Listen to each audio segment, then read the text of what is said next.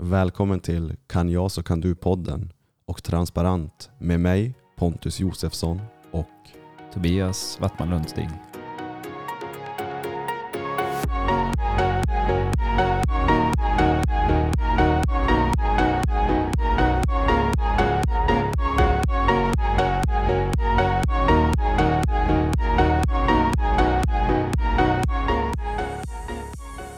Har ju börjat dagen idag också med våran yoga och idag Mm. kom vi överens om att men vi fortsätter på det lugna spåret när vi startar våra måndagar. Mm. Och det är ju suveränt tycker jag. Ja, vi sa ju att vi skulle eh, börja måndagarna med att träna. Och träning är ju ett eh, brett ord. Och det vi pratade om första måndagen, förra måndagen var ju just att eh, om vi tittar ur ett perspektiv på vad vi har för behov och vad, vad gör vi mest av? Då är det inte det vi ska göra nu, utan vi ska göra det vi har ett behov av som vi kanske inte gör lika mycket. Och då är det den lugna biten. Att träna lugnt, att få, få in en annan typ av rörelse, en annan typ av frekvens, en annan typ av impuls. Ett lugn, ett djup, återhämtning. Ehm, som jag tror, eller jag upplever att de flesta som jag stöter på får inte nog av det. Mm. Utan de får en överdos av eh, prestationsinriktade träningen. Jag tänker idag Tobias, eh, vi pratade också tidigare, eh, det här med att jag jobbar med, med en kund där vi pratar självkänsla, självförtroende, självförtroende då framför allt.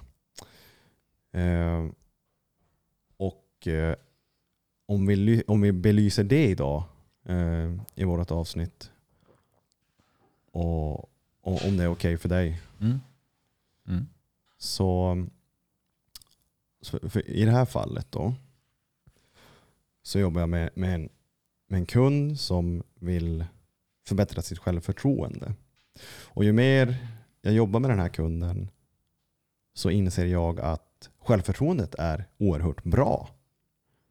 Det är väldigt bra. Den här, den här människan vet exakt vad den klarar av.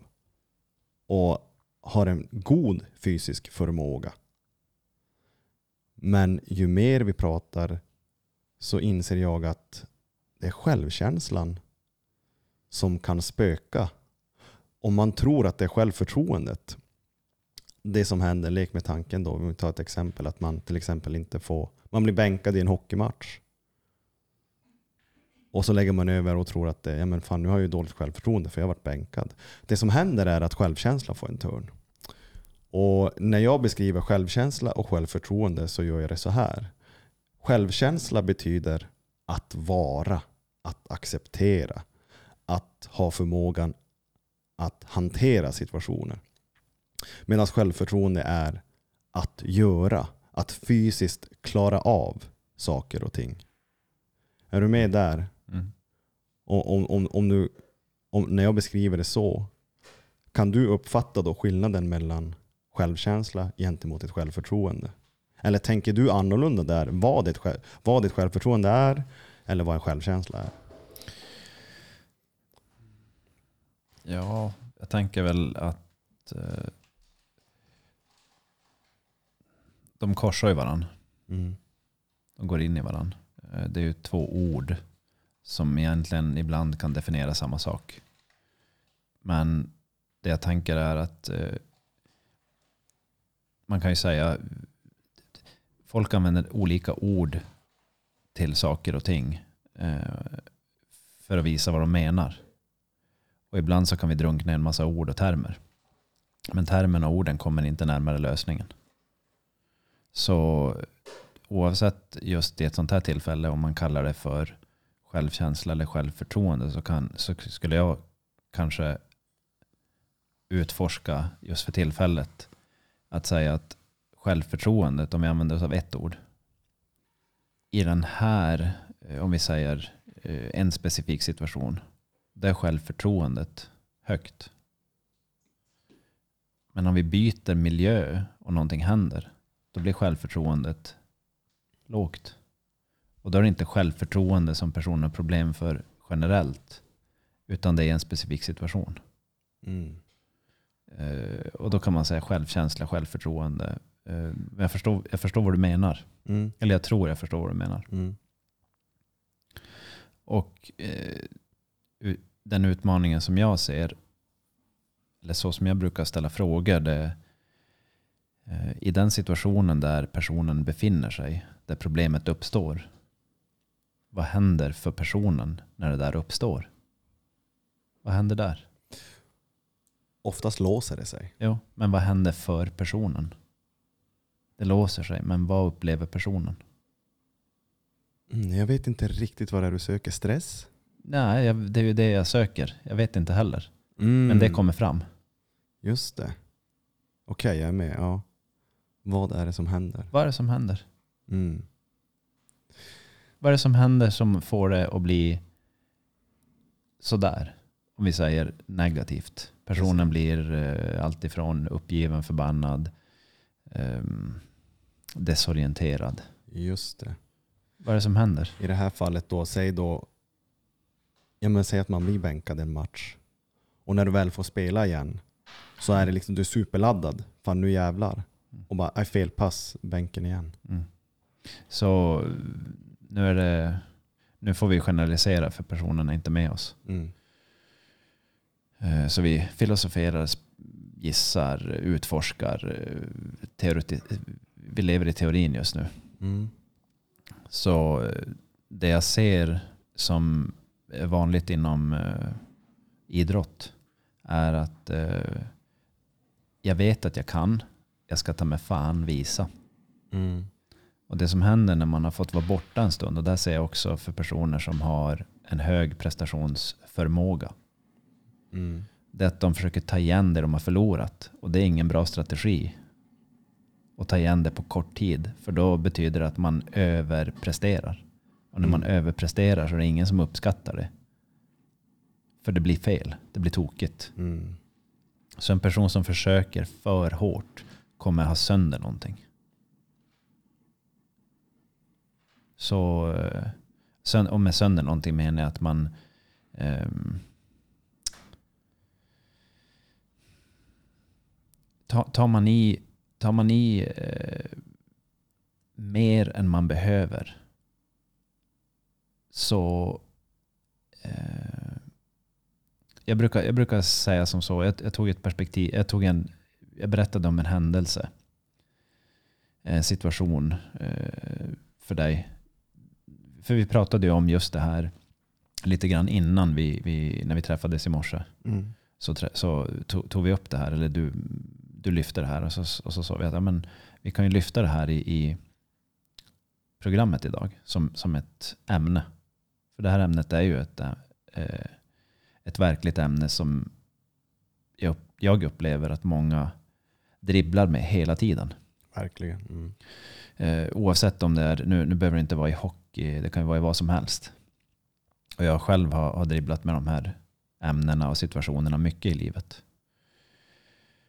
Och eh, jag hade haft en, eh, som jag berättade den här historien då, som en faktisk händelse. Ja. Det, det, ja, från min minnesbank eh, i vad som har hänt. Jag hade en, eh, en workshop i eh, någonting som kallas för medicinsk qigong. Och det är egentligen en, en rörelsedynamisk meditation. Där man bara sänker tempot istället för att uh, istället för att meditera och sitta still. Eller istället för att prestera, uh, eh, göra re, rehabiliterande rörelseövningar. Så testar man att uh, ur det här perspektivet att bara sänka tempot på allting. Man sänker tempot, sänker spänning. Sänker tempot, sänker spänning. Och så får man se vad som händer. Och det som, händer, det som delvis händer när man sänker tempot och sänker spänning. Det är att man söker att hamna i någon form av eh, eh, eh autonom harmoni med sin kropp. Mellan sinne och, och, och nervsystem och, och kropp och själ och allt vad man kan kalla det här. Så, och det som, det som man söker då är att kroppen ska spontant börja själv stimulera självläkning. Så när det finns en för hög stressnivå i kroppen så skadar den kroppen. Det är det man går på här, den tesen. Så när vi sänker då, då är det ungefär som att eh, i ett vaket stadie och i ett rörelsestadie induceras som att man är någonstans i dvala. Och det kroppen, upp, det kroppen gör om man, om man lyckas med det, det är att den tar bort alla möjliga störningar som ligger i, i på ett rätt finurligt eller märkligt sätt i nervsystemet. Eh, och så helt enkelt kan kroppen börja läka. Det är det man menar på kan hända i det här. Och jag har sett, jättemycket, jag har sett jättemycket intressanta fall då det händer. Eller jag upplever att det händer och folk säger att de mår enormt bra av det.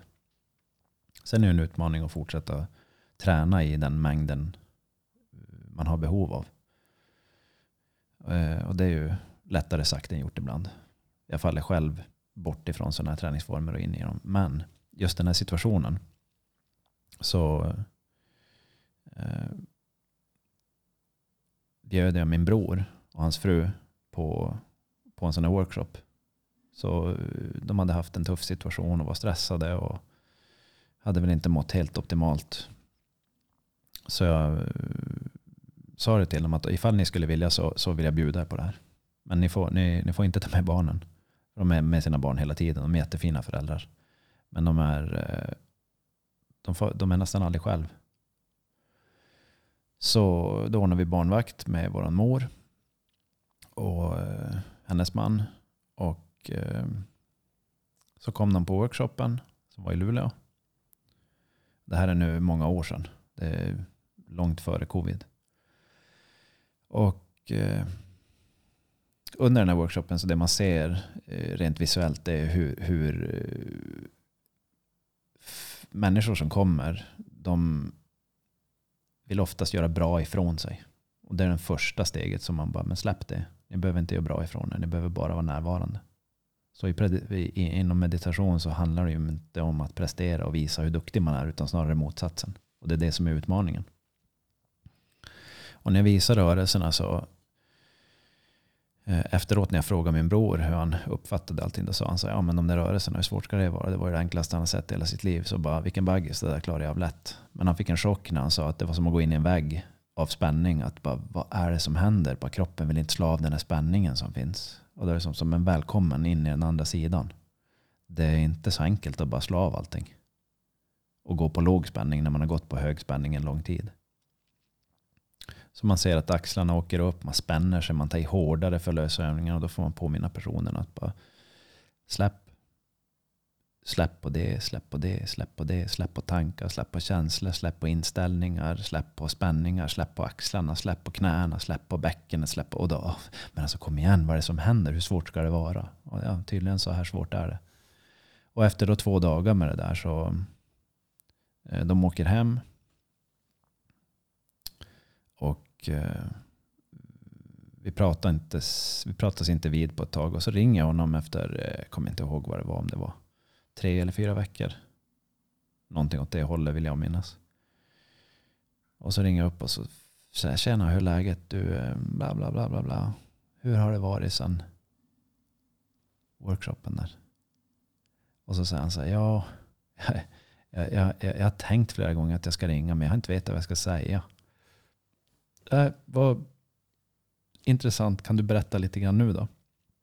För jag är nyfiken. Och så sen så ja det första som, som, jag, som slog mig direkt. Det var att efter workshopen så hade vi, eller hade jag sa han. En sånt enormt, eh, en sån enorm djup lugn och ro. Så märklig som, som inte har inne, som jag, som jag har, jag märker eh, hur sa han? Den fanns där när jag var liten, men jag har inte känt den på så många år. Så jag fick, som en, jag fick en förnimmelse att det här brukar jag känna när jag var ung, alltså riktigt ung. En lugn och en ro och en... Han sa det var helt magiskt. Jag sa, ja, vad intressant, okej, okay. någonting mer. Och så han, det hände en till grej eh, som gjorde mig faktiskt riktigt upprörd. Jag var riktigt förbannad, sa han. Och då blev jag intresserad. Så vad var det då? Jo, eh, vi var och klättrade. Och han håller på med inomhusklättring och utomhusklättring. Eller gjorde det i varje fall. Eh, han var väldigt duktig. Får jag för mig. Jag, jag är ingen expert inom klättring. Men han klättrade jättemycket. Och han är en person som när han går in i någonting så går han in i det. Så, och då hade han hållit på att klättra på en inomhusvägg. En ganska avancerad väg. Eh, vill jag minnas. Och han hade kommit till en situation eh, på den här väggen. Gång på gång på gång på gång. Som han aldrig brukar ta sig förbi. Och hur han än blev starkare och hårdare med sig själv och försökte mer, mer, mer. Så var det som att han hade mött en vägg. Det gick inte att ta sig förbi. Och då efter den här workshopen så sa han, då när jag kom till den där punkten och försökte hårdare och hårdare och hårdare och hårdare så fick jag som en påminnelse. Så jag hörde din röst säga så här, säga att om du inte kan, om du inte löser problemet med hårdare, testa bara att slappna av och se vad som händer. Och då sa han, då vart jag riktigt förbannad. Och så sa jag, varför då? För då löste sig problemet och det var så enkelt. Och då sa jag, så här, men vad intressant. Han bara, jo men vet du, det var, det var så frustrerande. För jag var helt övertygad om att ta i hårdare var lösningen. Och det där är, eh, det där är en intressant sak. För att eh, ta i hårdare är ju inte, alltså att prestera är ju inte negativt. Men att tro att att prestera och ta i hårdare löser alla problem blir negativt. För det är inte sant. Och här hamnar man ibland en, i en eh, liten, hur ska jag säga, en liten om, omogen eh, diskussion med vissa människor som, som säger så här att ja men alltså, man kan ju inte bara slappna av hela tiden. Nej, vem är det som har sagt ens att man ska göra det? Och vem är det som har sagt att man ska vara 100% någonting? Det går inte. Så vi, det är väldigt lätt att få ett absolutistiskt sätt att se på saker och ting. Måste äta den kosten. Ska träna så här. Det här säger forskningen bra. Och det här är si och det här är så. Okej, Okej, toppen. Um, så att man lär sig, om man lär sig att, ta- att ehm, ta i från ett oprestationsinriktat sätt. Långsamt, mjukt. Då lär man sig någonting som man inte har sett tidigare. Och där och då, om man lär sig det, där så, så finns det väldigt mycket information att hämta från kroppen. Dels hur, vilket, vilken status kroppen är i. Och de första gångerna jag höll på att träna sånt här så fick jag en chock över hur otroligt spänd jag var. Jag kunde inte slå av muskelspänningarna. Och jag hade ingen aning om att de var så, det var så mycket. Det var som så här, men jag, jag kan ju det här, trodde jag. Och det visade mig väldigt snabbt hur mycket jag kunde. Jag kunde en hel del om en sida, men den andra sidan var ju helt outforskad för mig. Och det gjorde mig väldigt intresserad att fortsätta utforska bredare. Vad, vad, ja, vad, vad kroppen är, vad psyket är, vad känslor är. Hur de möts, vad de gör med varandra och så vidare. För det du också nämnde tidigare i morse när vi träffades, när jag berättade situationen och kunden jag jobbar med, så sa du lite, lite kort bara, ja, det låter som att livet händer. Eh, när, man, när man möter motstånd.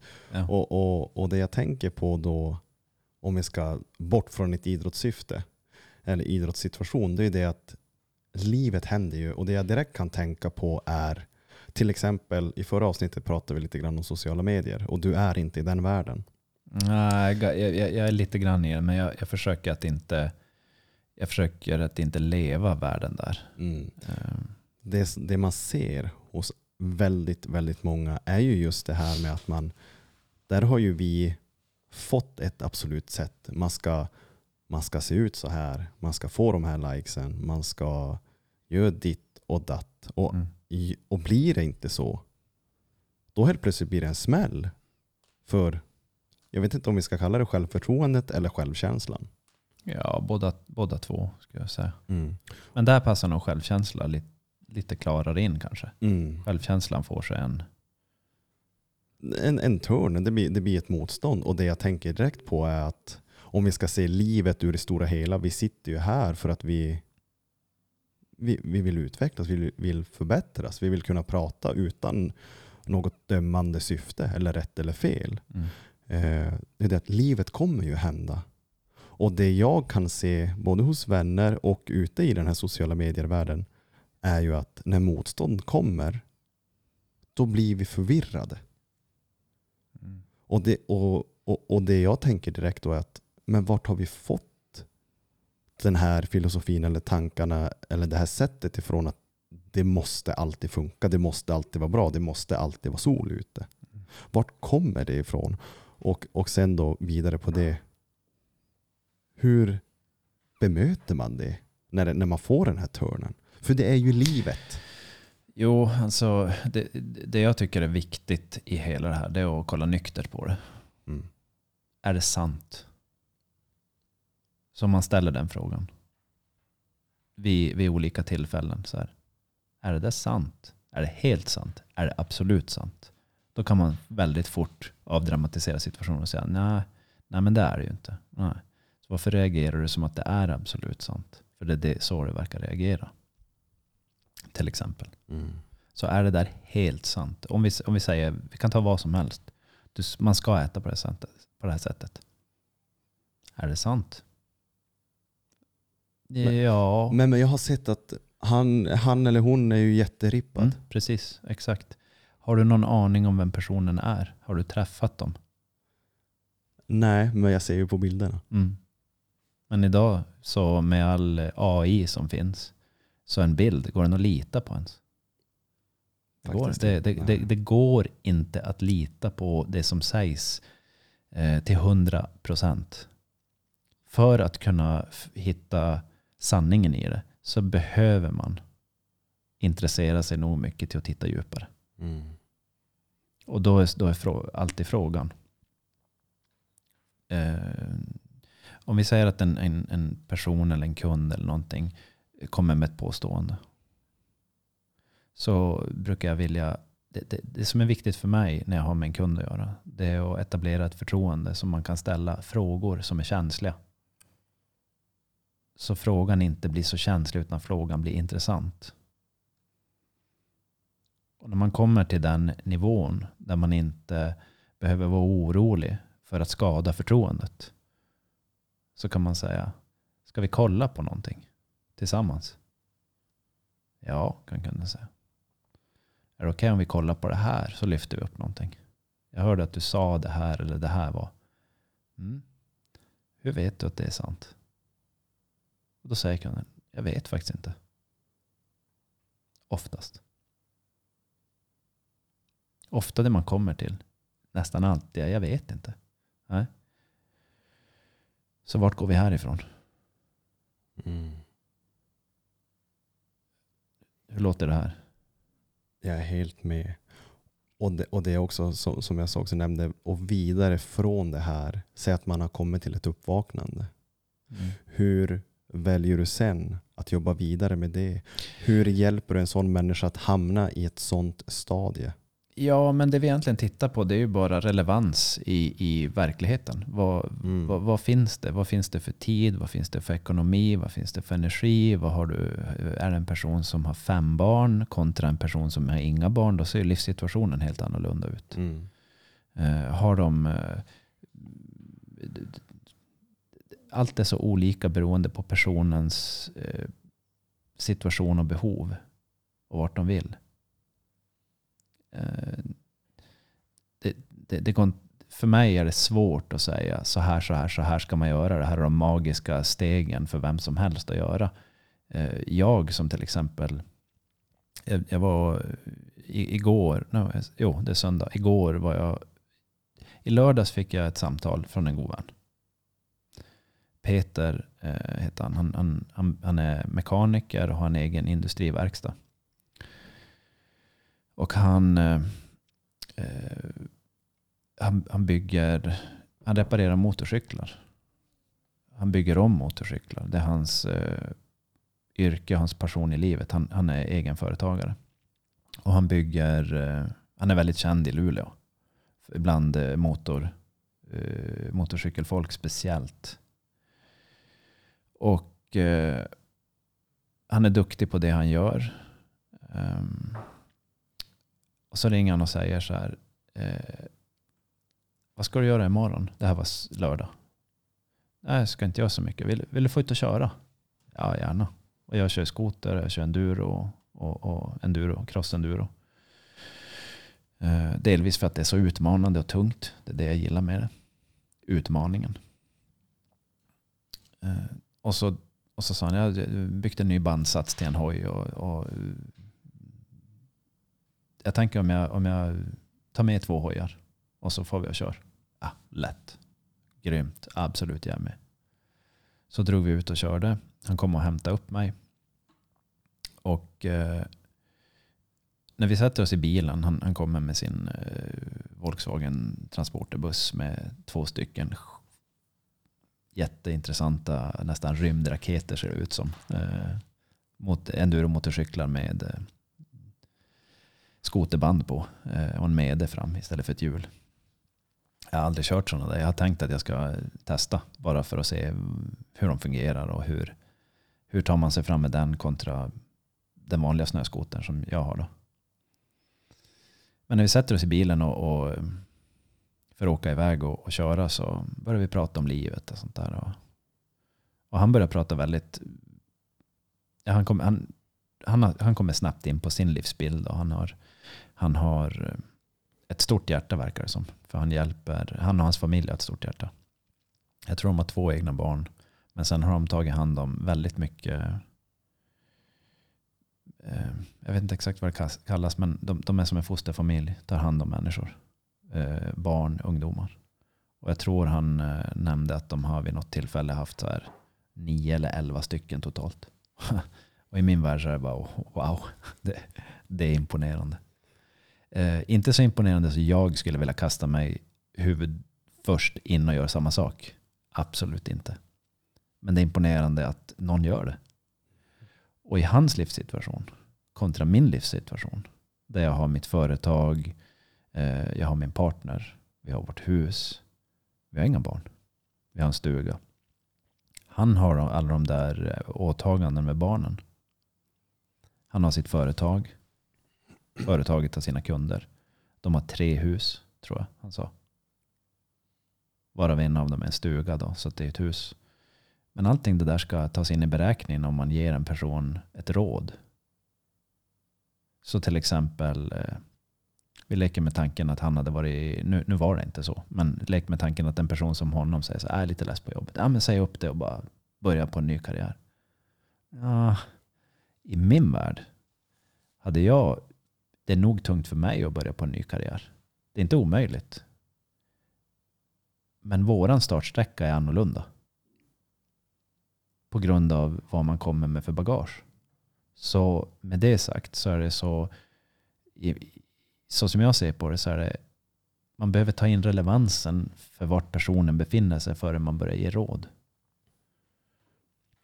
Och till exempel så här, ja men vadå, det är väl bara att ändra sin kost. Jo, men när du har nio barn hemma.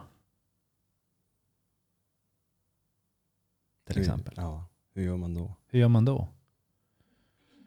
Det är annorlunda när man är när en eller två personer. Mm. Det är ju ett helt företag.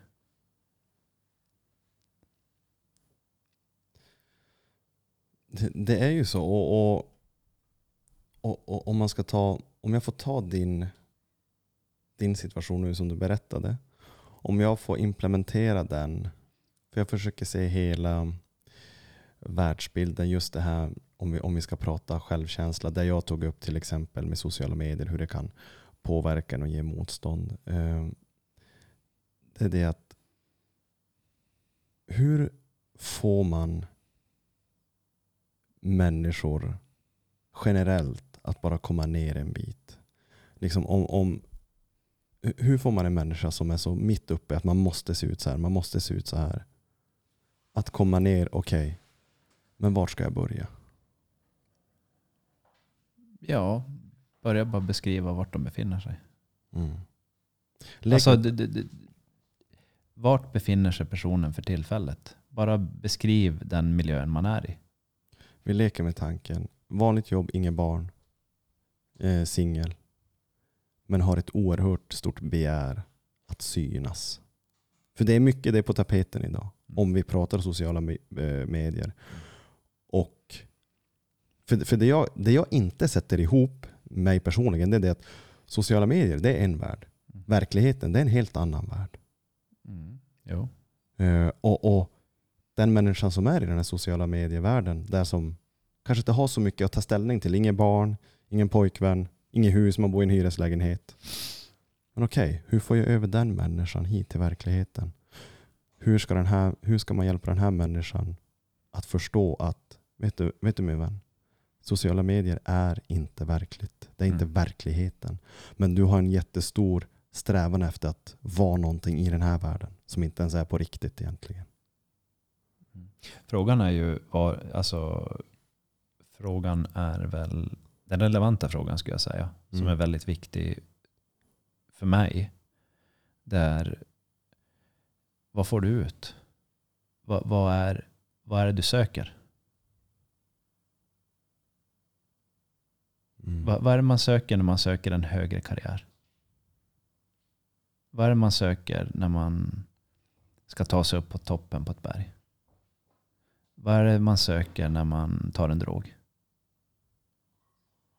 Vad är det, sök, vad är det man söker när man försöker leta en partner?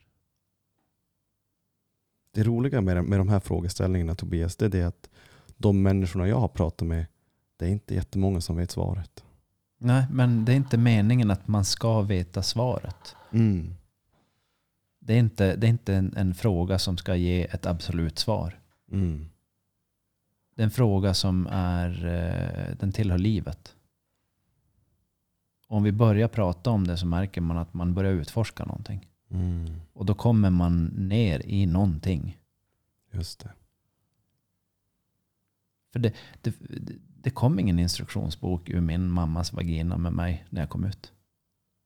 Jag tror inte det kom någon med din heller. Absolut inte. Men om man kollar tillbaka på hur det har gått så. Nej. Och jag tror inte det kommer någon med nästa barn som föds på BB eller vad det kallas. Det är inte som att det kommer en, en instruktionsbok med this is life. Hänger du med? Absolut. Utan frågan är vad... eh, Det finns inget rätt. Om vi, om vi plockar bort rätt och fel. Ja. Eh, vi plockar bort alla måsten. Vad är det vi gör och varför? Det kan vi utforska. Och när vi utforskar det så är vi ute här efter det som vi pratar om, transparens. Om vi kan vara transparent med det, vad händer? Jo, jag får reda på mer om mig själv.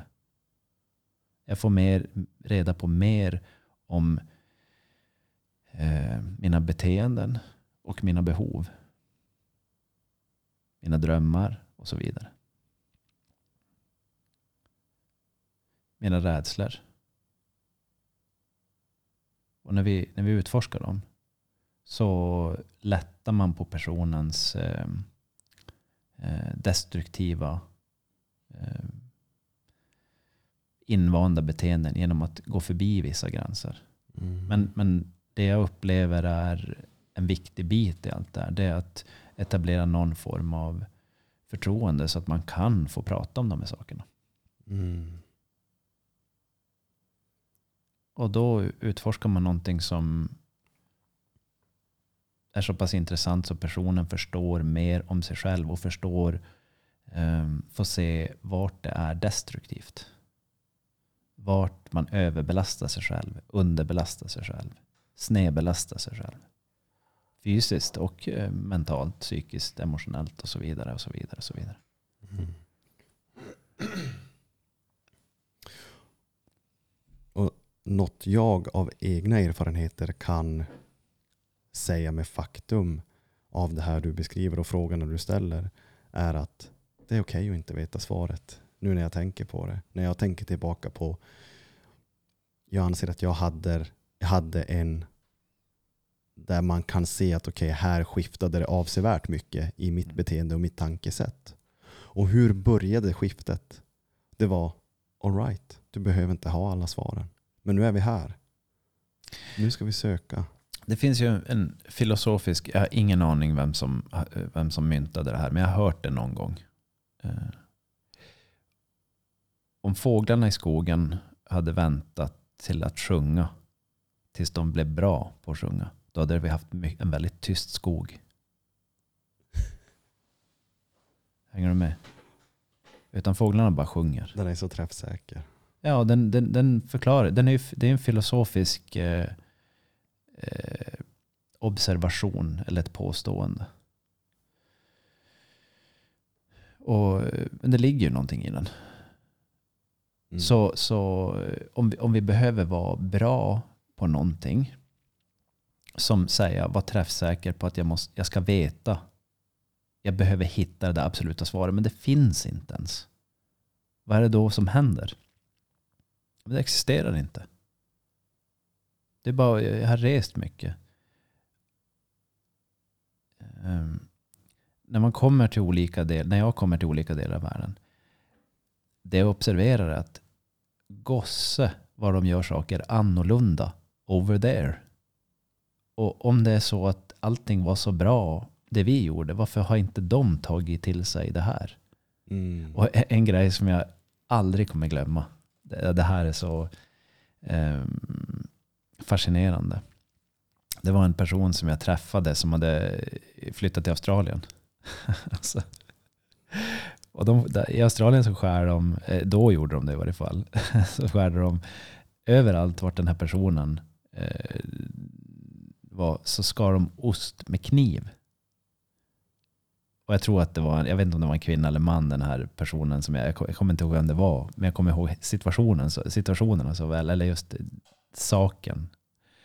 Och då, fick de för sig att, ja men, en genialisk idé. Jag importerar osthyvlar till Australien. Det kommer slå deluxe. Mm. Jag kommer sälja osthyvlar och bli rik. Det var ingen som ville ha de där jävla osthyvlarna. Men alltså en osthyvel på en ost, det är, fan, det, det är ju det är en genialisk grej. Men det handlar också om att folk bara, men jag behöver det inte. Jag klarar mig bra med den här kniven. Mm. Så det är ingen som, du, du måste inte använda en osthyvel på en ost. Utan någon annanstans så gör de helt annorlunda. Och de är nöjd med det. Det och det okej. funkar. Ja. Och det är helt okej. Det är inte en världsmästerskap i ostskivning som det handlar om. När du säger sådär, min första tanke som kommer upp är, är också att känns det inte lite som att vi försöker göra ett världsmästerskap av allting vi gör ibland? Mm. Det är lite så det känns ibland. Det ska vara... Eh, någonting som jag tycker är otroligt kraftfullt att ge referenser till att tänka på. Och det brukar jag lägga ut på mina sociala medier. Det lilla jag är i sociala medier så brukar jag lägga ut Nalle Puh. Mhm. Som om man går igenom mina sociala medier, det, det lilla jag lägger ut. Så är det egentligen bara saker som får reflektera på någonting. Eller så man kan säkert se på min, något av mina sociala medier att jag säljer eller söker någon form av sak. Jag vill ha ett bakhjul till en endurohoj till exempel. Eller en fälg eller en si eller en så. Det kan man se. Men Nalle Puh och Nasse. Så om man, om man vet vem de är så visualiserar man en bild. Som alla sätter sig som lyssnar på det visualiserar en bild på Nalle Puh och Nasse gående bakifrån och bort från en. Och så är det en träd och en skog och en stig. Och så säger Nasse, vad är det för dag idag? Till Nalle Puh. Och så säger Nalle, ja det är ju idag. Den dagen är det. Jaha, säger Nasse. Och så går de vidare. Alltså det är så enkelt. Och ibland är det det vi behöver. Man bara, vilken tid är det? Ja, det är den tiden. Det är nu. Det är nu. Mm. Produktion, prestation, allting det här är bra. Men all, allting som, som drivs till sin yttersta spets blir vansinne. Idrott drivet till elit är inte hälsosamt. Att vara ledare för ett Fortune 500-företag, att vara Elon Musk, är inte hälsosamt. Att vara en president för ett land, det är inte hälsosamt. Det är däremot extremt ambitiöst. Mm. Och det finns mycket ambitiösa människor som, har, som ligger stelfrusna eh, och döda på vägen upp till Mount Everest och sådana såna toppar. Mm. De är extremt ambitiösa. Det är inget fel att vara så ambitiös. Men det är inte lösningen till gåtan på livet. Men för de som inte tror det så är det bara att försöka. Har du löst den gåtan till livet? Det jag åtminstone har insett är att det, det är inte så jäkla viktigt allting. Mm. Vill du utveckla? Behöver jag det? Nu jävlas jag lite med dig. Du är så grym Tobbe. Eh, kan du ge mig en bild på det? Eh, Vad är det som inte är så viktigt? Ska jag bara... Det, om jag- om vi säger så här då, vad är det som är så viktigt? Vi ställer den frågan. mm. Vad är det som är så viktigt? Min, min första tanke är eh, jag vill dö med minnen. Mm, det kommer du göra. Så det behöver du inte oroa dig för. Jag vill kunna se att det är fina minnen. Mm. Så har du, har du en, har, finns, det en, finns det någon känsla att du inte kommer ha det? Det kanske gör det. Jag har inte tänkt på det så. Var, vart kommer det ifrån? Jag vet inte. Mm. Jag kan inte ge dig det svaret här och nu. Men vad kan du ge mig då? Om vi säger så här, någonting här och nu får dig att säga att det är så. Vad är det som säger till dig att det är så? Om jag får säga så här då. För när jag ser på livet så vill jag se att det är fint. Mm. Jag vill se att det är vackert. Jag vill se att det är äventyrligt. Mm. Jag ser sol, en vit strand, hav. Mm. Jag ser människor som tar varandra i hand, som pratar med varandra. Mm. Jag ser människor som vågar fråga hjälp. Jag ser mig själv och har hjälpt människor så bra som jag bara har kunnat. Mm. Och, och någonstans försöka leva ett så är, ärligt liv som möjligt. Och vad blir det då det här i slutändan? Det blir fina minnen. Mm. När Då, då har du ju lyckats. Ja, det, det kan man säga. För när jag väl tänker och drömmer om okej, vad är livet? Jag kan inte ens säga att det är topp fem, jag måste ha pengar. Om man ska se det så, alltså om man ska ta exklusiva delar. Det är inte viktigt, som, som, jag kan, som folk kanske tror är viktiga, men jag måste dö med pengar, jag måste ha pengar. Mm. Men nej. Det, att vara närvarande, att finnas. Är det viktigt? Hur låter det? Att, att finnas är ju en... eh, Det gör du. Ja. Du finns ju här. Jag vill göra det med närvaro. Mm. Och vi kan ju utforska det här ganska långt Mm. för att kolla, för att kolla vad, vad är det du behöver. Och jag skulle gissa att du har behov av någon form av trygghet. Mm. För när vi känner oss trygg så, så är det vissa saker som har fallit på plats. Och trygghet är ingenting man bara kan säga åt sig själv och få. Nej. Om du får försöka svara på frågan då, vad är viktigt i livet? Ja, det beror ju lite grann på personen. Men du, vad är din För mig? åsikt? Ja.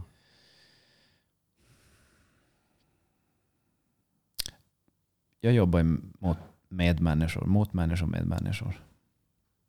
Jag tycker att eh, det som är viktigt för mig är, eh, jag har ju utforskat det som då vi delvis brukar prata om en hel del medvetenhet. Mm. Ehm, verklighet. Vad är det vi har runt omkring oss? Eh, I vilken riktning går saker och ting?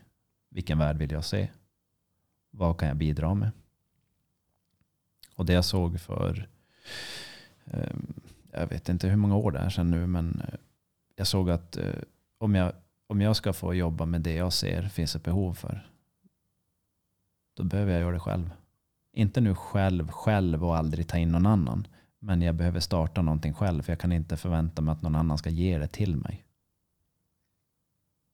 Det jobbet fanns inte att få. Så jag startade mitt eget företag. Och då började jag bygga på någonting som var mitt företag men också att hjälpa andra människor med större frågor. Och eh, det har gått framåt. Det har blivit, det fungerar så pass bra så att jag har en, det är det enda jag gör. Eh, det har sina utmaningar. Jag trivs med det. Men däremot så ändras eh, världen ändras framför mig. Jag behöver ändra eh, min inställning till saker och ting eh, eftersom jag ser och får förståelse för saker. Så att jag lever i, jag upplever att jag lever i en, en, en, ett utforskande, ett varande och ett utforskande. Som jag ser ger resultat för andra människor och för mig själv. Däremot varje år så brukar jag sätta mig ner och det här brukar, det här brukar oftast ske när jag sitter på ett flygplan till Indonesien och ska surfa. Då sätter jag mig ner för då har jag cirka 12 timmar på mig. Där jag är i en, eh, jag brukar definiera det ungefär som en, eh, en annan zon. Alltså jag är i en twilight zone. Någon form av dimzon där eh, det går inte att göra så mycket mer än att man sitter på det flygplanet och kollar på sina eh, filmer, dricker en öl eller ett glas vin eller äter någon, någon nöt eller någon middag eller någonting som oftast inte är sådär wow. Men den, den, den är helt okej. Okay. Men det är en paus från allt annat. För när man är på ett flygplan, nu är jag på ett flygplan, då sätter jag mig ner och kollar igenom min kalender, hur mycket jag har jobbat, frågar mig själv varför jag mår som jag mår. Och så kollar jag igenom och så räknar jag på hur mycket jag jobbar. Så jag får en annan bild av det. Och så, och så sen så frågar jag mig själv, hur, skulle jag vilja, hur vill jag må in i framtiden? Vad vill jag kunna påverka? Hur vill jag jobba? Och jobba inte bara på mitt jobb. Hur vill jag jobba i mitt hem med mig själv? Med min partner. Hur vill jag att min partner ska må? Ska kunna må. Um, hur vill jag att huset ska må? Stugan ska må? Vad vill jag ha för vänner? Vad vill jag att de ska bidra till mig? Vad, vad, vad vill jag kunna bidra med till dem? Och jag har valt att vara så transparent med det som möjligt som jag kan. Och det är inte en busenkel sak att vara det. Man kan tro att man är helt transparent men så är man insnöad på någonting och så får man göra en revision på allting som man har, eller allting, men en del saker som man har tänkt igenom. Så det är ett konstant utforskande Eh, men inte på ett sånt sak så att jag, inte på ett sånt sätt så att jag med ljus och lykta söker. Utan jag känner mig ganska trygg. Jag känner mig rimligtvis väldigt trygg.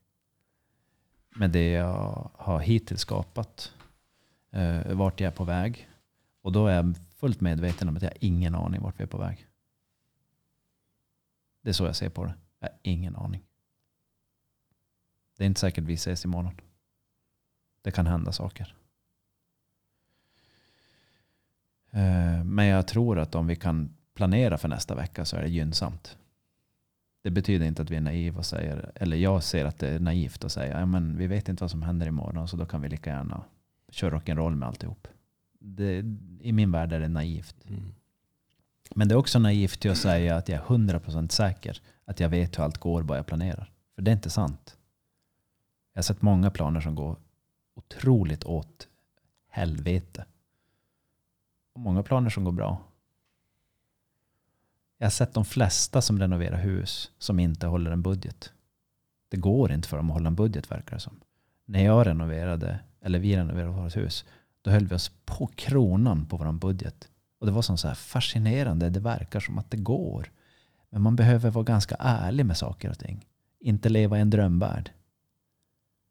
Och den där drömvärlden är naiv. Så jag försöker i så stor utsträckning som möjligt att inte vara en naiv person. Jag har varit det. Jag har sett mycket naiva personer. Jag har sett mycket destruktiva saker hända av naivitet. Så jag försöker helt enkelt bara läsa av verkligheten på så bra sätt som jag kan. Och då handlar det mycket om att titta på naivitet. Önsketänkande. Extrem prestation varför? Det kan också vara naivt. Vad ska det leda till? Sen är det otroligt intressant. Eh, de som lyckas. Foppa. Eh, genom olika typer av... Eh, det finns ju jättemycket idrottsmän som har lyckats. Men majoriteten av idrottsmännen lyckas ju inte nå supertoppen. Men det är ambitiöst. Så vart är jag på väg? Jag vill, jag vill, jag gör det jag, det jag vill. Jag, jag har mina hobbys, de fungerar. Eh, det jag däremot tycker är en utmaning det är att hitta i vuxet tillstånd djupa hållbara relationer med människor. Det tycker jag är svårt. Är det någonting som du känner att du behöver? Jag har några riktigt, riktigt goda djupa vänner. Vi är på olika platser på jorden. Jag skulle önska att vi kunde på något sätt ses mer. Men jag har förstått att det är svårt att få till. Vi är inte barn längre. Det har hänt saker med oss. Um, en av mina närmsta vänner, närmsta hjärtliga, själsliga vänner bor i Schweiz. En bor nere i, runt Malmö.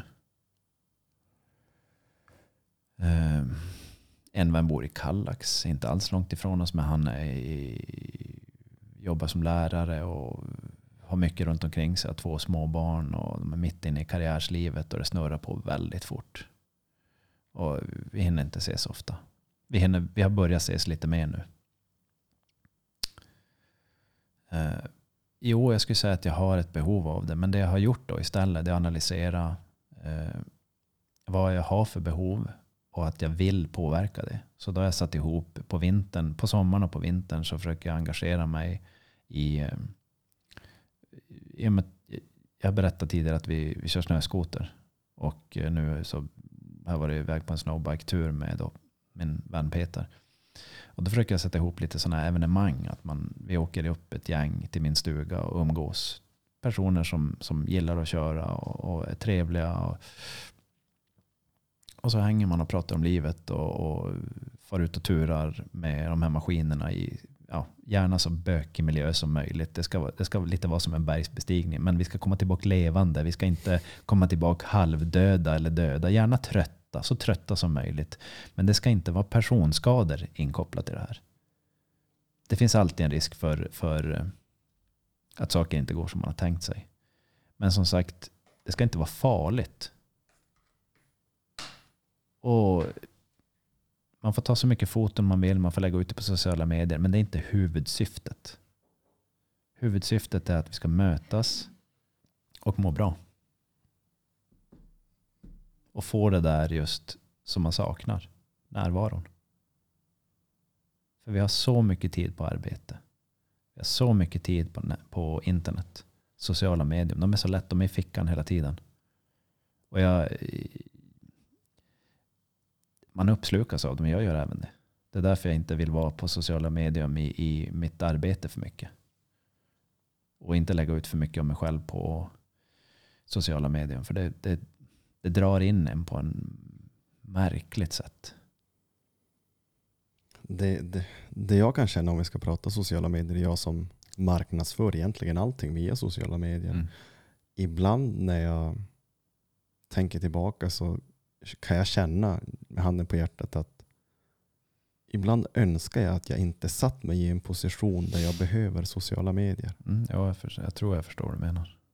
Uh, för, för den, det tar ork. Mm. Det men, sen, men sen, är ju, sen en, en sak som jag tycker är lite komplicerat och som är viktigt att prata om, eh, så som jag ser på det, det är verkligheten med sociala medier också. Det finns en verklighet som säger så här, när du sätter ut det du sätter ut på, på sociala medier, hur når du personer och vem, vem, vem annan är det du tävlar mot? Mm. Och Du tävlar mot hela världen. Och frågan är så här, vad finns det för spelregler? Det finns inga spelregler. Man får vara hur oärlig som helst. Och då är det frågan, vad är det för jävla plattform det är egentligen? Det är obehagligt. Det finns inga spelregler. Var väl medveten om att det finns inga spelregler. De skriver ut en vissa spelregler. Du får inte säga så, du får inte göra så, bla bla bla. bla, bla. Men förutom det så är det bara att navigera fritt. Du får ljuga hur mycket du vill. Vem är det man stöter på de flesta, jag, jag, kan inte utgå ifrån att det jag ser är ärligt. Det, det, det, det komplicerat. Det är otroligt komplicerat. Det som är skrämmande också nu med teknik med AI-tekniken det är det att nu finns det ju AI-röster. Det Så fin- ja. Alltså du kan använda, du kan skriva in en mening. Som, lek då med den här tanken, ja, men säg att jag har Tobias röst. Kan jag skriva en mening så använder den din röst. mm. Och säger saker som du inte Mm. ens har sagt. Nej, precis. Och hur används det? Jo, eh, allt det här är ju otroligt eh, fascinerande och det är ju extremt eh, det är ju ambitiöst att ta fram allt det här. Det är extremt ambitiöst och otroligt, otroligt intressant. Men det finns en baksida till det som är lite läskig. Och eh, jag såg en eh, eh jag såg eh, jag såg någon sån här eh, jag vet inte, det kallas för reels eller någonting när det, det kommer upp i ens flöde och så är det små filmer. Ja, det är reels. Ja. Reels. Och då, då klickade jag på en eh, någon motorcykelfilm var det. Och när jag såg hur den där personen körde så var det så här, det här ser ju helt sjukt ut. Det är ju nästa nivå på vansinne. Men när jag började titta om och om på den igen så säger jag att Nej, men alltså, det, är inte möj- det är inte möjligt. Jag, jag kan nog mycket om motorcykelåkning till att det där är inte möjligt. Och jag ser på rörelserna att de är inte, det där är inte en naturlig rörelse. Och då blev jag först påmind om att det är ju ett tv-spel. Det var så bra gjort. Så att det ser ut som att det är riktiga människor som kör. Men den här människan får och körde som att de var på en annan planet. De var inte påverkade av gravitation längre. Och då är det så här, men det har blivit så bra. Mm. Så nästa gång man ser en missil eller en människa göra någonting, en explosion. Vad är det som säger att det är, när det är på det här sociala mediet, vad är det som säger att det är sant? Det är det som blir läskigt. Jag skrattar för att jag ser framför mig dig. Hur Mm. du, vad, vad fan är det här? Mm. Och med ditt liksom utforskande sinne. Nej, det är något som inte stämmer. Det är därför jag, jag skrattar. Det, det är lite... Jo, jag förstod. Jag förstod. Jag tog det inte på något annat sätt. Så, eh, och för att gå tillbaka till när, man håller på, när vi håller på att prata med människor. Så vad är det som är sant? Hur vet du att det är sant? Och när, man, när vi... ehm, har du hört vad den där personen har gjort? Har du hört? Nej. Eller ja. Men vad, hur vet vi att det är sant? Hur vet du att det är sant? Nej, men vadå? Jag har hört det. Mm. Det kallas för ett rykte. Hur vet du att det är sant? Nej, men det, det måste vara sant för jag har hört det här och där. Vadå? Jag har inte ens tänkt på det så. Ja, men vad är det som säger att du vet? Hur kan du, hur kan du veta att det här är sant? Ja, det kan jag inte. Ja. Så när du fortsätter nu på det här tankespåret, vad ger det dig? Ger det dig sanning? Det vet vi inte. Fortsätt inte då. Mm. En, eh, För det blir bara drama. ja, det blir det. Och, och jag menar, det där har jag upplevt personligen. Jag vet inte om det är relevant hit, men eh, jag har ju haft ett drogmissbruk. Mm. Eh, nu har jag varit ren i sex år. Mm. Och jag träffade en gammal tjejkompis här för nu kan det vara några månader sedan uppe i Kiruna. Mm. Där hon säger att men vi kommer in, vi, vi pratar liksom allmänt, bla bla bla. Och, och, så kommer, och så säger hon att men du Pontus, tar du droger än idag? Så, Nej, jag, jag har varit ren i sex år. Det, varför, skulle, varför frågar du det? Nej men du kan säga ärligt om du gör det till mig. Jag skulle inte säga åt någon. Jag bara, men vad får dig att och, och, och fråga det här? Mm. Va- va- Varför tror du inte på mig att jag har varit ren i sex år? Jag har ju tagit drogtester titt som tätt. De har ju varit efter mig. Mm. Och jag har inte åkt dit på något drogtest efter att jag åkte fast av polisen. Hon bara, nej men du vet det är en liten stad. Och du, men, men jag tänker bara, jag menar inget illa. Jag bara, ah, okej. Mm.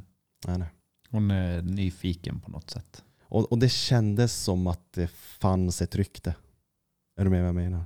Mm. Det kändes som att... Men där, rent här, nu, nu går vi vidare in till, det kändes som, hur kan vi veta? Mm, det är sant. Så om, om, man, om man har det som en central, central, den centrala delen i, i samtalet, Mm. hur kan vi veta det här? Vad, vad, vad, vad, kan vi veta? Jo, personen ställer en fråga. Personen säger si, personen säger så. Okej, så prata med personen om vad som är relevant. Mm. Och sen låt dem, låt dem leda sitt eget liv. Mm. Och den personen behöver inte vara övertygad för att du ska kunna leva ditt liv. Mm. Just det. Så släpp den personen. Precis, och jag har inte sett det på den saken förrän nu när du säger så. Mm. Det har inte stört mig. Men där och då så kändes det ju som att men fan, jag blir lite anklagad här. Ja, jag förstår. Jag förstår. Det är ju Ja. mänskligt. Det är ju, Ja. det är ju alltså, det är inte fel. Det som är viktigt i den här situationen, om vi pratar om det vi pratar om nu, med så här, vad är sant? Mm.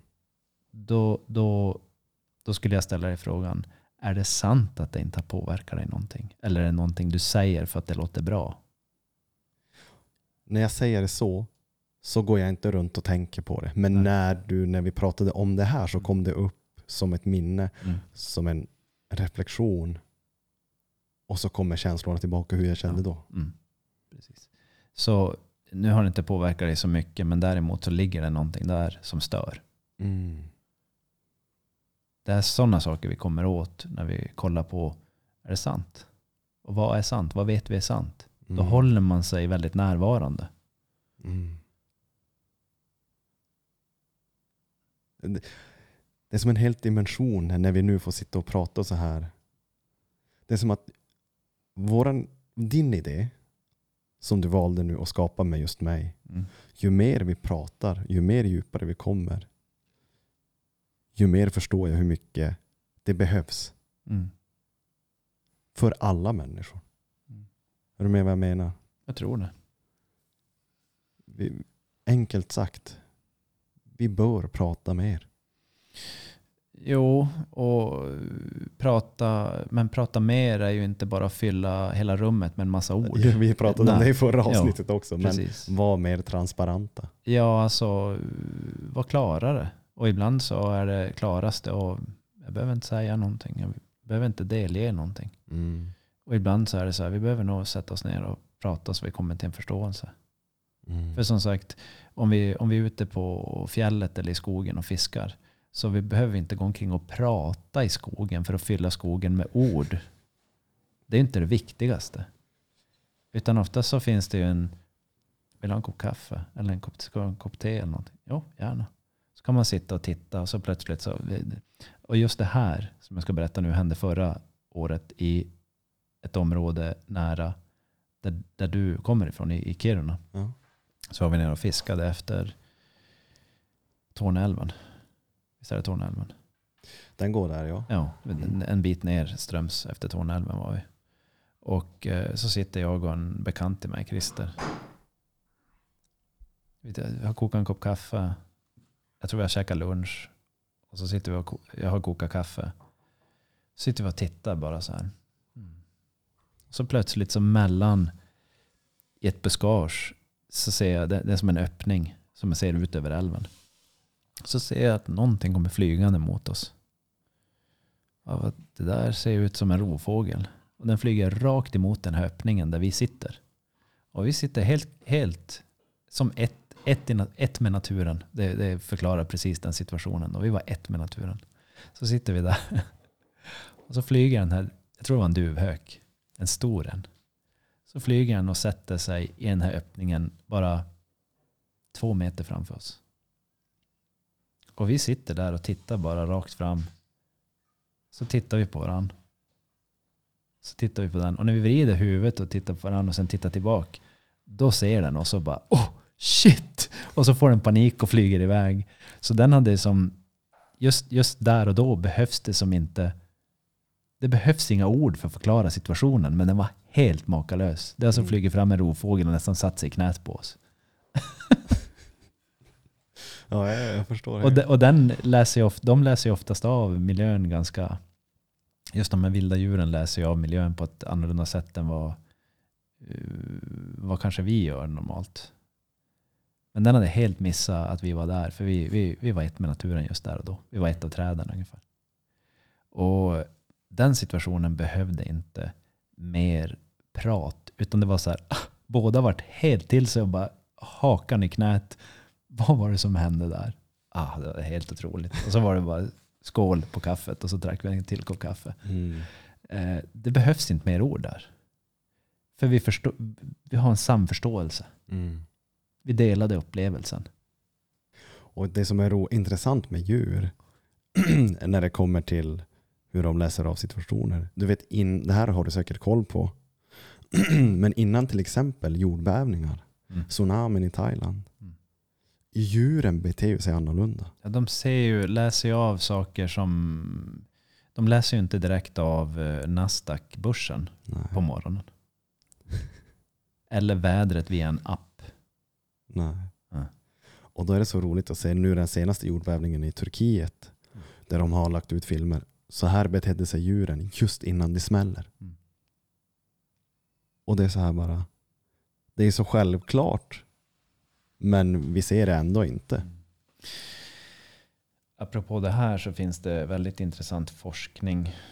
Eh, Nu går vi lite förbi eller utanför eh, vad vi pratar om. Men det är ändå kopplat. Vi pratar om transparens och saker och ting. Och det finns ingen direkt ram för det vi pratar om. Men det finns ett eh, jag tror det kallas för Heart Math Institute. i- Jag tror det är i USA. Och de forskar på sådana här saker. Mhm. Det är otroligt intressant. Och eh, det de menar på är att eh, före alla de här stora eh, extrema händelserna, jag vet inte om man kallar dem för kataklysmiska händelser. Eh, tsunami, stora tsunamis, stora jordbävningar.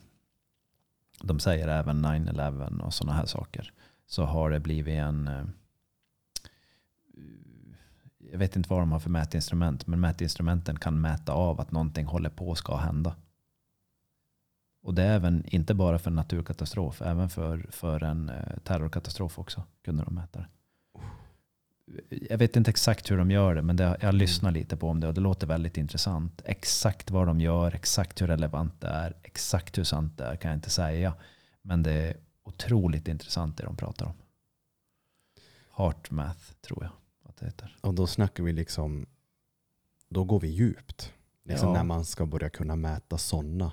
Ja, händelser. jo, ja, men det, det ska jag väl säga. Det, en, del, en del som jag pratar med menar ju på att nej, men sånt är ju rent svammel och det är ju omöjligt. Så, ja, okay. Och en del säger nej, men det är inga konstigheter. Förstår man sig på vissa parametrar så ska det vara möjligt. Jag, jag tycker att det är intressant. Nu har du just gett mig ett nytt rabbit hole att dyka ner i. Ja, just det. Ja. Jo, det finns mycket rabbit holes i livet. Och det är ju samma där. Eh, Försvinner man ner i ett rabbit hole och tror att det löser problemen i livet så kan det vara så djupt så att man går vilse i det. Så det är också en till bit att titta på med relevans till verkligheten. Mm. För ju djupare man kollar in i någonting så kan man ju gå vilse i saker och ting. Mm. Och det har jag även sett folk göra som ja, helt enkelt eh, konspirationsteorier som, som har relevans till verkligheten. Och så djupdyker man, djupdyker man, djupdyker. Till slut så letar man sig vilse bland konspirationsteorier. Det är, det är, inte, ett ovanligt, det är inte ett ovanligt förekommande fenomen. Mm. Men sen finns det absolut situationer som är, det här ska folk behöva veta. Jo, absolut. Men jag tänker inte spendera hela mitt liv på det. Så det är sådana saker som när man pratar om vad är viktigt i livet också. Ehm, mitt, mitt, mitt liv går inte ut på att rädda, rädda alla. Jag kan inte ens. Jag ska inte ens försöka. Utan jag jobbar bara med kunder som vill jobba med mig. Jag, jag hjälper bara människor som säger att men vad intressant, det verkar ligga någonting här. Får jag, får jag, kan vi jobba tillsammans? Ja, absolut. Jag jobbar inte längre med att övertala och överbevisa människor. Jag är inte intresserad av det. Jag blir väldigt frustrerad när, det, när, jag hamnar i konflikter. Mm. Däremot så är jag inte helt orädd för att gå in i konflikter. Men jag gillar inte konflikter. Jag gillar lösningar. Och jag gillar, san- jag gillar ärlighet och transparent. Och om vi kan vara närvarande med varandra och prata från samma, stå på samma nivå och prata. Och våga dela och se varandras perspektiv. Får, jag, eh, får jag flytta tillbaka det här samtalet till nästan till början? Om vi får gå in på självkänsla och självförtroende igen. Absolut. Är det toabesök? Ja. Gärna. Som jag sa innan, om jag får dra tillbaka det här till början av samtalet. Eh, mer belysa självkänsla och självförtroende. Och då tänker jag på ett eh, scenario som kan vara väldigt eh, vanligt. Om vi leker med att vi har ett vanligt jobb. Om vi inte nu tänker på hur personens liv ser ut utan vi leker att vi är på en arbetsplats Mm. där du har ett jobb, du vill av någon anledning prestera, du vill såklart att det ska gå bra för dig, du Mm. kanske vill vara omtyckt och du vill kunna hjälpa andra människor inom ditt arbete hur du Mm. än gör det. Men du har en chef som lite grann sänker dig, som har ett ledarskap som är hårt, styrande, som är lite grann peka med hela handen, gör så, gör si, gör si, gör så. Mm. Och det hämmar dig i ditt mående. Kanske i att du nu börjar underprestera för att din självkänsla eller ditt självförtroende har fått en törn. Mm. Är du med på scenariot jag målar upp här? Mm. Inte, ett helt o, inte ett helt ovanligt scenario utifrån vad folk beskriver ibland. Precis. Och det jag tänker är, hur jag nu ska formulera frågan, du kanske kan hjälpa mig. Hur ska man komma åt en sån här människa då som kanske inte, men som går runt i den här känslan att vara, känna sig mindervärdig. Inte söker hjälp direkt utan man krigar på ett halvår, ett år. Men det tar ju sån oerhörd skada i självkänsla eller i självförtroendet. Mm. Hur man, vad var frågan? Hur, Eh, hur, och- man ska nå, hur man kan nå Hur, personen? hur, precis, hur, vad säger vi till en sån person när du och jag sitter här idag och pratar om självförtroende och självkänsla? Okej, vad vi säger till en sån person. Lite, ja, lite grann, jag vet inte hur jag ska formulera frågan. Så Men, om personen lyssnar, mm, okej. om vi får se det så ja. ja. Mm. Hur man kan bemöta ett sånt här scenario. Ja, det går väl att bemöta det på lite olika sätt, men ehm, ja, vilket sätt vill vi bemöta det på? Vilken, vad, vad, är, vad är frågeställning egentligen? Det, nu pratar vi om saker som jag upplever, har personen tagit sig hit till att lyssna och tycker det är intressant så drar de ju drar de förmodligen nytta av samtalet förhoppningsvis. Mm. Om Och- vi leker så här då, den här människan vill ju inte känna sig mindervärdig. Om vi säger så här, om du är den personen idag, Ja, om du tar rollen som den personen, yes. Så eh, du har beskrivit då din situation på arbetet. Det, du, det jag hörde dig beskriva var att du, du börjar må sämre och sämre och kan inte utföra eh, ditt, dina arbetsuppgifter på ett drägligt sätt så att du, du dräneras helt enkelt av dina arbetsuppgifter hörde jag dig säga. Precis. Vill du ha det så? Helst inte. Helst inte. Det var väldigt politiskt korrekt, eh, artigt. Såklart vill jag inte ha det så, för jag mår ju dåligt av det. Så vad är, har, har personen prövat prata med sin chef? Vi leker med scenariot att vi har testat att göra det. Men det här är en oerhört sträng chef som har sitt tillvägagångssätt. Mm. Som inte som är väldigt dålig på att lyssna på sina mm, anställda.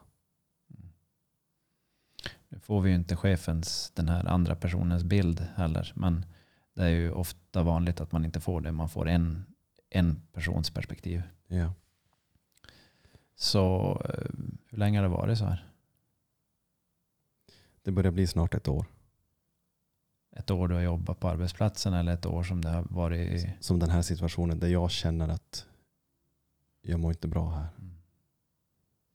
Så vad, vad, är det, vad är det du gör? Vad har du för arbetsuppgifter? I vilka situationer är det som personen kör över? Var det det som hände? Eller? Mm, precis, men lite grann. Så nu håller vi på i ett lite märkligt rollspel här. Ja, vi, vi, precis. vi, jag är på ett jobb jag inte vill säga upp mig ifrån. Min största önskan är att jag får en ny chef. mm. Största önskan att få en ny chef är ganska orimlig oftast. Så det, det, det kommer oftast många gånger så händer det inte. Att om vi säger så här, vad kan jag göra som förändrar min situation? Vad är jag kapabel, vad är jag med min egen kropp, min egen vilja och mina egna val kan göra för att förändra min situation? Då har vi en del, del delar är att acceptera, att se saker ur andra perspektiv. För det finns många som, som inte har sett ett större perspektiv. Man har inte sett flera, man har inte sett situationer ur olika perspektiv utan man är övertygad om att det här är det perspektivet där och det är för jävligt. Så dels kan man utforska vad finns det för olika perspektiv som får situationen att vara på det här sättet. Genom att förstå sig på eh, den här tredje personen. Eh, inte, inte att den personen ska ge en någonting utan snarare att man kan förstå sig på personen. Kan göra så att man får en avlastning. Till exempel vi leker med tanken att vi får reda på att personen har, vi leker med tanken, eh, gillar smicker extremt mycket. Vill känna som att den personen är väldigt viktig, vill synas i ett rum. Om personen är nu högsta eh, person på arbetsplatsen så betyder det att de har en hel del makt där. Så vad händer om man låter personen synas?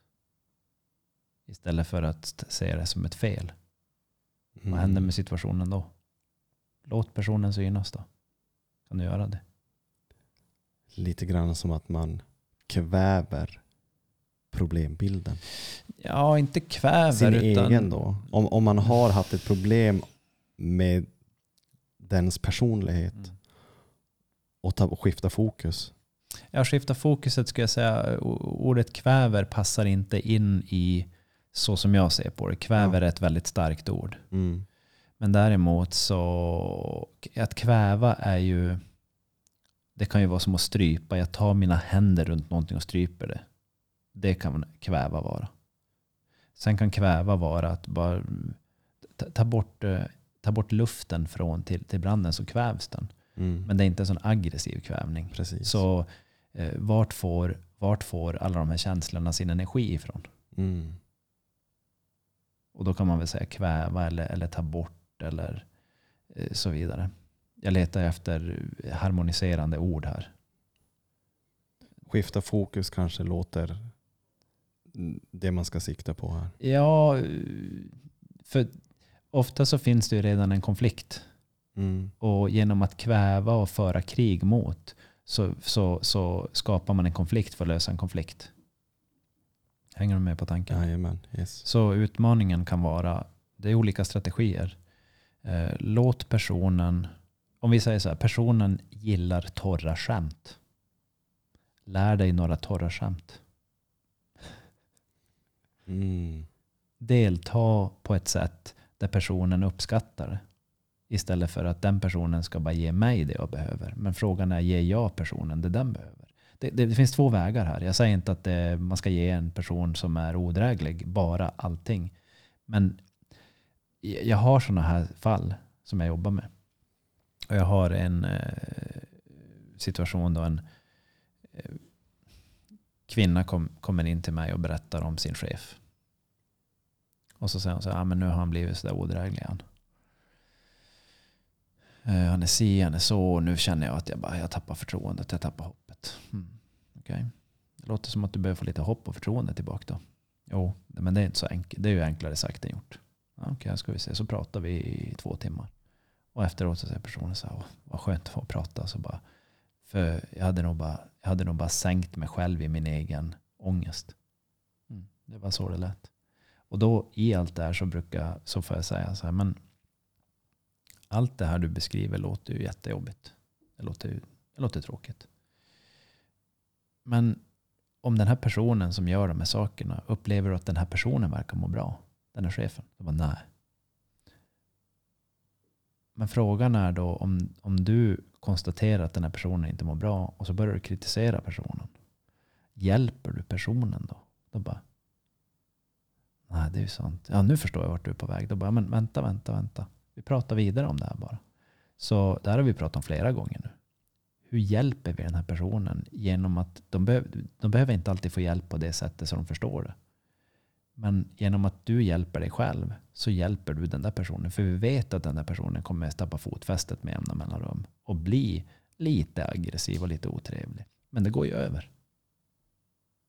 Och förvänta sig att det ska försvinna är ibland orimligt. Och då är frågan så här, är det orimlighet vi ska sikta på?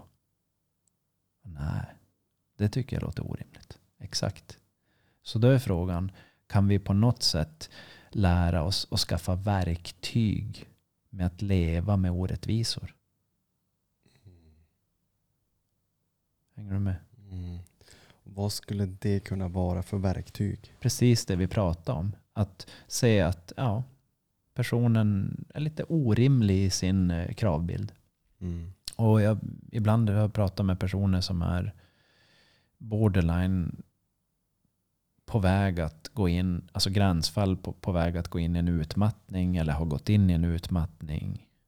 Ja, olika grader av på väg dit eller har passerat, gått in i utmattningen. Det är väldigt lätt att säga att det var någon annans fel. Men oftast är det inte helt sant. Det är inte den andras fel bara. För jag deltog. Det betyder att jag får bära en del av skulden. Och det här är för att göra det konstruktivt. Vad har vi att jobba med? Och om vi säger så här då. Jag leker med att du står till ansvar för alla mina problem. Du Pontus. Och du, för att jag ska må bra så behöver du förändra dig. Men du är inte villig att förändra dig. Hur låter det för mitt liv? Väldigt dåligt. Det låter jätteobra. Ja. Men om vi säger så här då. Hälften av mina problem är hälften mitt fel och hälften ditt fel.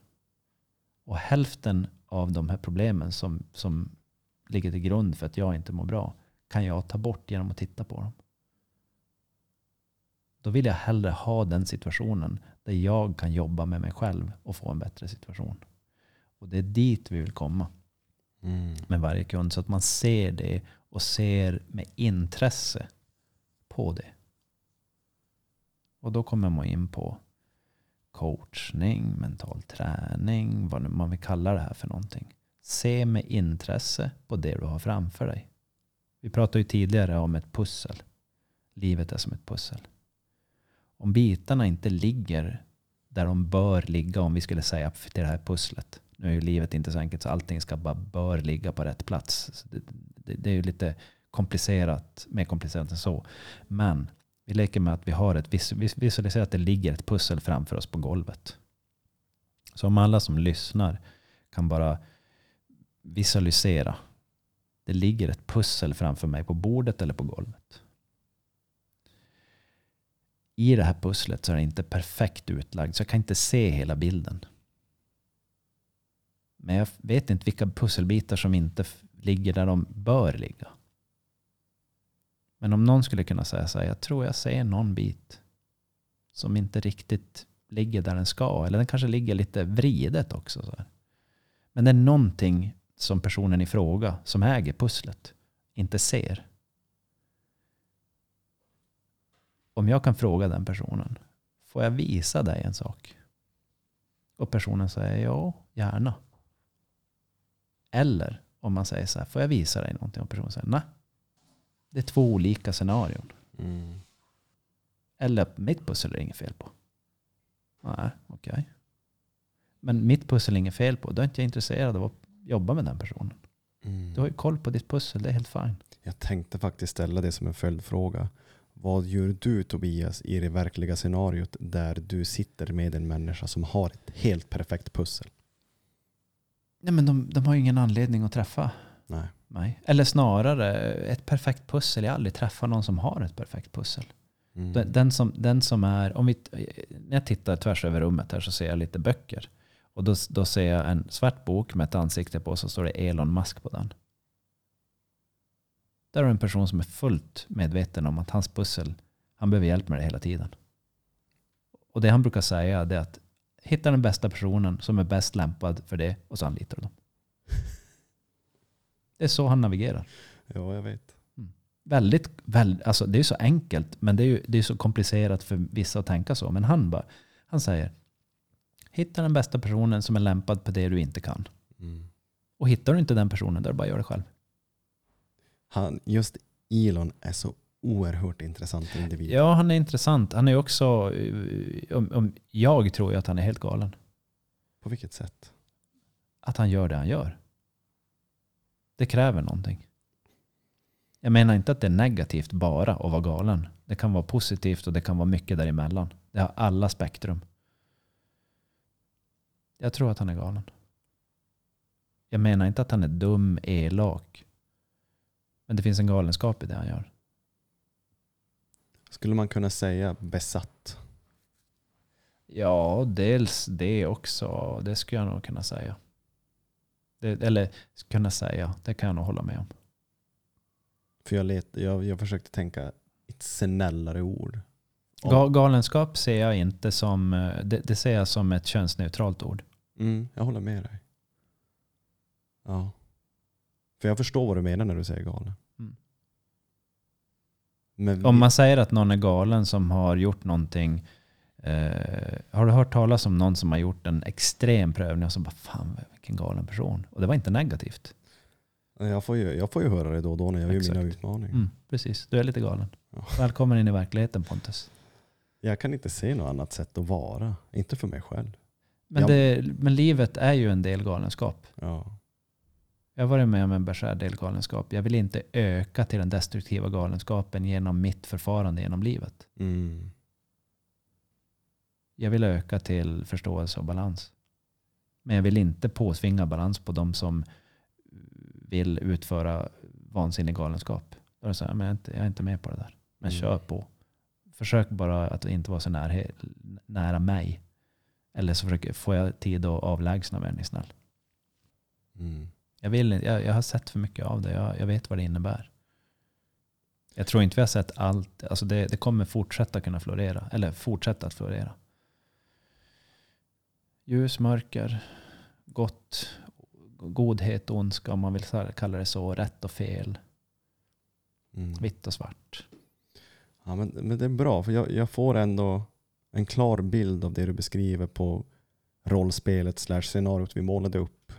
Eh, liksom där man kan, ja, men som du sa, att ja, men om hälften är mitt problem och hälften är chefens fel. Hur låter det Mm. gentemot att det bara är ens fel? Mm. Men det, det, alltså jag har aldrig mött en situation där två personer är inblandade. Där en inte var inblandad. Mm. Och och med det menar jag att det, det, det är konstruktivt positivt att se det på det sättet. Mm. Vad kan jag göra? För annars blir man ett offer bara. Och ett offer är inte en bra position att vara i. Det är en destruktiv situation. Och då ska jag berätta en sak som är extremt tuff. Nu vet jag inte om jag uttalar hans namn rätt. Eh, Andrei Solzhenitsyn. Har du hört talas om honom?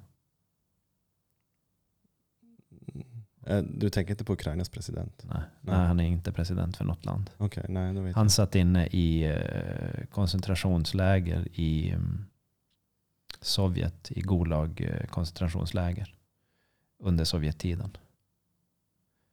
Och han skrev en bok som hette The Gulag Archipelago. Och sen finns det en till person som heter Viktor Frankl, en tysk. Ja, Man's Search for Meaning. Den Precis. finns, ja. Den finns där.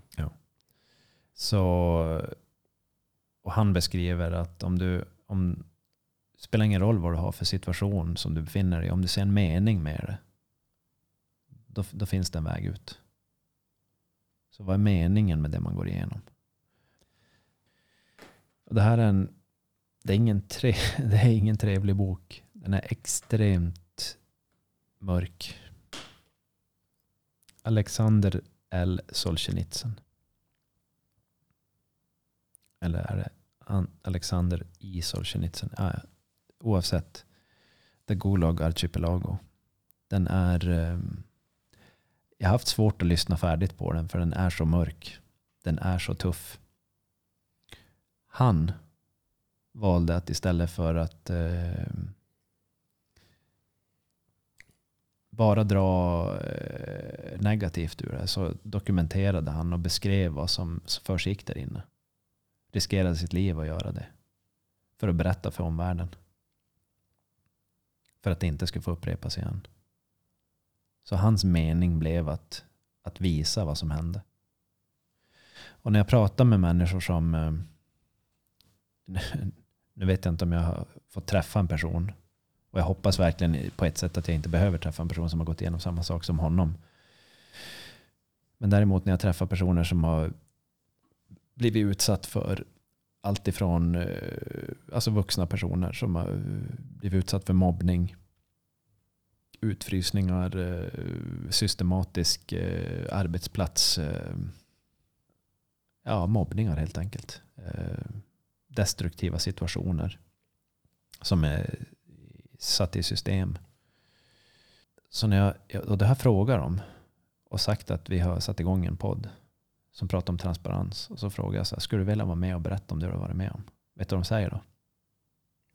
Jag kan tänka mig att de vill det. Nej, De helt vill tvärtom. De vågar inte. Okej. För vad som kan hända med dem. Så de flesta vill berätta men vågar inte. Mm. Så när man har suttit och pratat en stund, då när de får reda på att ja, men du behöver inte gå ut med ditt namn. Och du ska inte gå ut med något namn överhuvudtaget. Du ska berätta en historia i så fall. Eller du kan berätta en historia i så fall. Som är utifrån det, var, det är så här dina upplevelser har varit. För att visa att det, att det är möjligt med en transparent, transparens runt tunga situationer.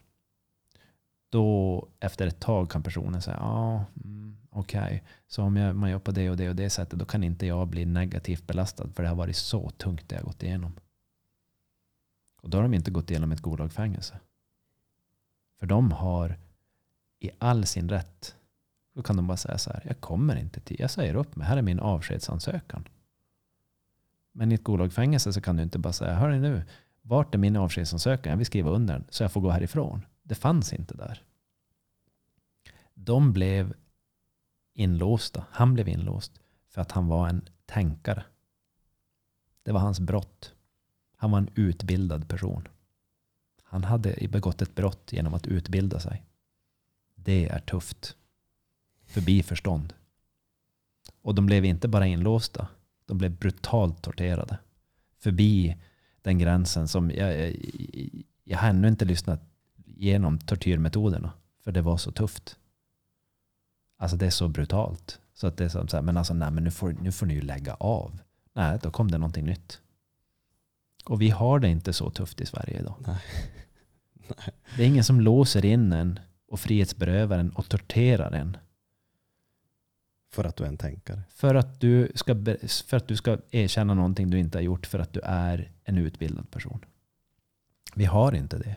Det finns nog de som har det. Men vi har inte det på det sättet. Men ändå har vi väldigt hög grad av stress och psykisk ohälsa i vårt samhälle. Och där så upplever jag att det finns en gynnsam öppning för att säga så här. Berätta lite mer. Är det verkligen sant? Det är helt okej att du säger att du mår som du gör. Men ska vi titta på vad det, vad det beror på? Så personen i fråga som, som du spelade rollen för nyss.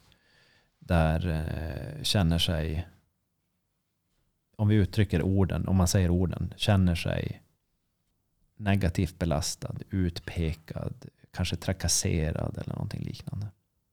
Så det finns alltid en utväg. Det är lugnt. Men en del säger, men jag kanske inte kan få ett annat jobb. Nej, men då kan vi kolla på strategier som, som vi kan titta på, gör det drägligt att vara kvar. Har jag gjort de sakerna jag kan? Har jag lyft de sakerna på ett sånt sätt jag behöver? Och i vissa fall så löser det väldigt mycket problem. I vissa fall löser det inte alls de problemen. För det finns faktiskt de som är rent, det finns situationer som är förbi förstånd för jävliga. Men alla har det inte så. Jag har stött på personer som lägger näsan i blöt där de inte ska lägga den i blöt. Och så får de smällar på grund av det. Och så brukar jag fråga, men varför gjorde du så där igen? Ja, men du vet, det är ju rätt att göra så. Ja, men se hur det blev. Min mor är en sån person som vill jättemycket väl. Hon har tagit på sig roller där hon där hon hjälper andra människor som inte är riktigt nog stark till att hjälpa sig själv. Och när hon behöver hjälp av dem för att stå upp för henne när hon berättar allting som har hänt. Då finns de inte där så de vågar inte stå upp för sig själv. Och då hamnar hon i skiten. På grund av eh, situationer hon har satt sig i för jobbet. Och då frågar henne gång på gång. Varför gör du det här? Och, och hennes eh, impulskontroll är inte så stark. Hon, hon reagerar och så går hon igång och tänker det här ska ju bli enkelt.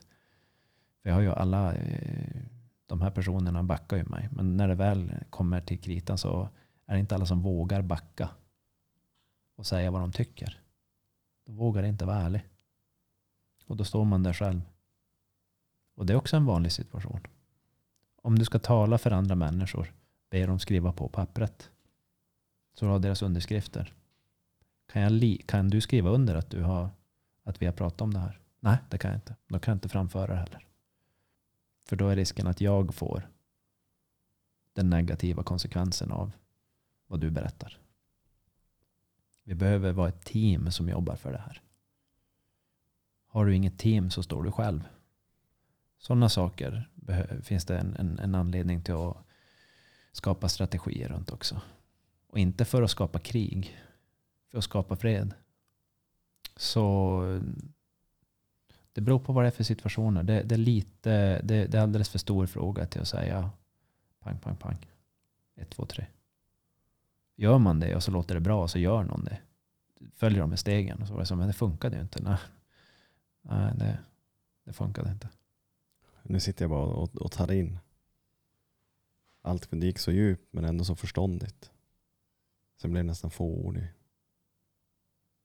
Här och nu. Det här är ju ett stort ämne. Man kan prata väldigt länge och väldigt djupt. Vi får väl se vad... Man kan väl ställa frågor. Man skulle kunna se vad det blir för reaktion, reaktion och frågeställning efter det här. Ifall det är någon som tyckte det var alltifrån intressant eller att man vill förstå någonting djupare. Eh, någon specifik situation. Eller, jag vet faktiskt inte. Men det känns, helt okej. det känns bra det vi har pratat om. Mm. Hur känns det för dig? Det är precis som du säger, det är ett stort ämne. Och, och, och för mig blir det... Vi ska inte lösa situationen Nej. på två eller två och en halv timme. Det, det, är inte det vi ska göra.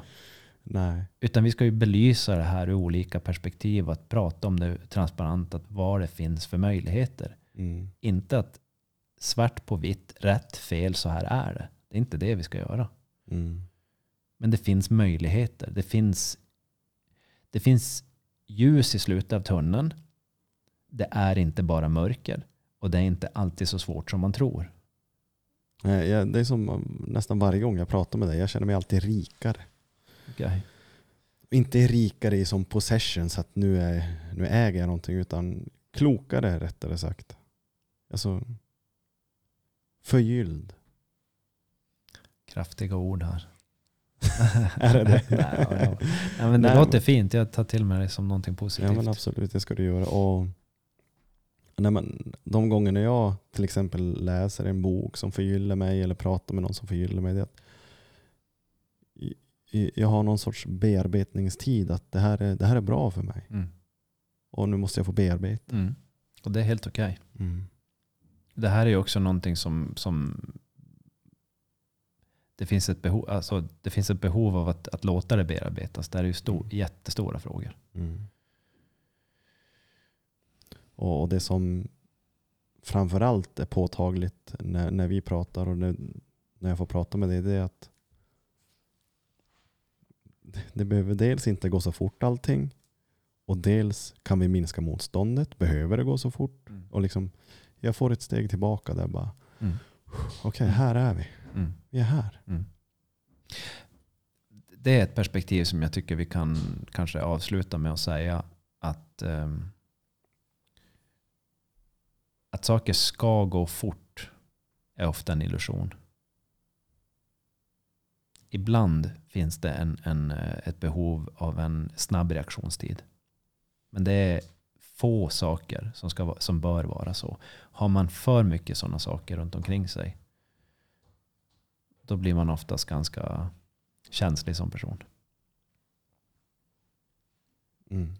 Ehm, Så som sagt, hellre att det går långsamt. Om vi, om vi visualiserar att vi har en trappa framför oss. Den här trappan eh, symboliserar en process eller livet. Ska vi ta springa upp för trappen till sista trappsteget och hoppas att det går bra? Eller ska vi testa att kliva upp försiktigt på nästa trappsteg och stå kvar? Då skulle jag säga kliv upp på nästa trappsteg och stå kvar är mitt råd. Och sen nästa gång så kliver vi upp på nästa och så står vi kvar. Då har vi gått och känt på den här trappan på ett balanserat, moget sätt. Mm. Ansvarsfullt. Men genom att springa i den här trappen så är det väldigt fort att göra illa sig eller falla av. Halka och falla ner. Och personer som, som springer väldigt mycket i den här trappen extremt mycket, extremt snabbt och vacklar. Brukar inte uppskatta när man glider trappsteg tillbaka. Så man lever ett ganska tufft liv om man gör det för mycket. Sen är det en del av livet att det går, alla ska räkna med i när man jobbar med varandra så ska vi absolut räkna med bakslag. Du ska räkna in dem. Och när de kommer så ska du ha räknat in så att du inte blir lamslagen av bakslaget. Så räkna in misstag. Och någon som säger nej men det får du inte göra. Vi får inte göra några misstag här. Då är det som så här. Det är naivt. Vi kommer göra misstag på vägen. Men blir misstagen för stora om man inte vill lära sig av dem. Då har vi ett problem. De är frekventa eller för stora. Och man vill inte riktigt titta på dem. Då kan vi inte eliminera dem. Det går inte att avsluta på så mycket bättre sätt än så. Vi ska inte ens försöka. Helt rätt. Ja. Nej men eh, eh, vi, vi sätter väl punkt här Mm. med, med dina ord där tycker jag. Tack för idag. Och tack för idag och till er där ute på återseende och så sköt om er. Hej då med er. Hej då.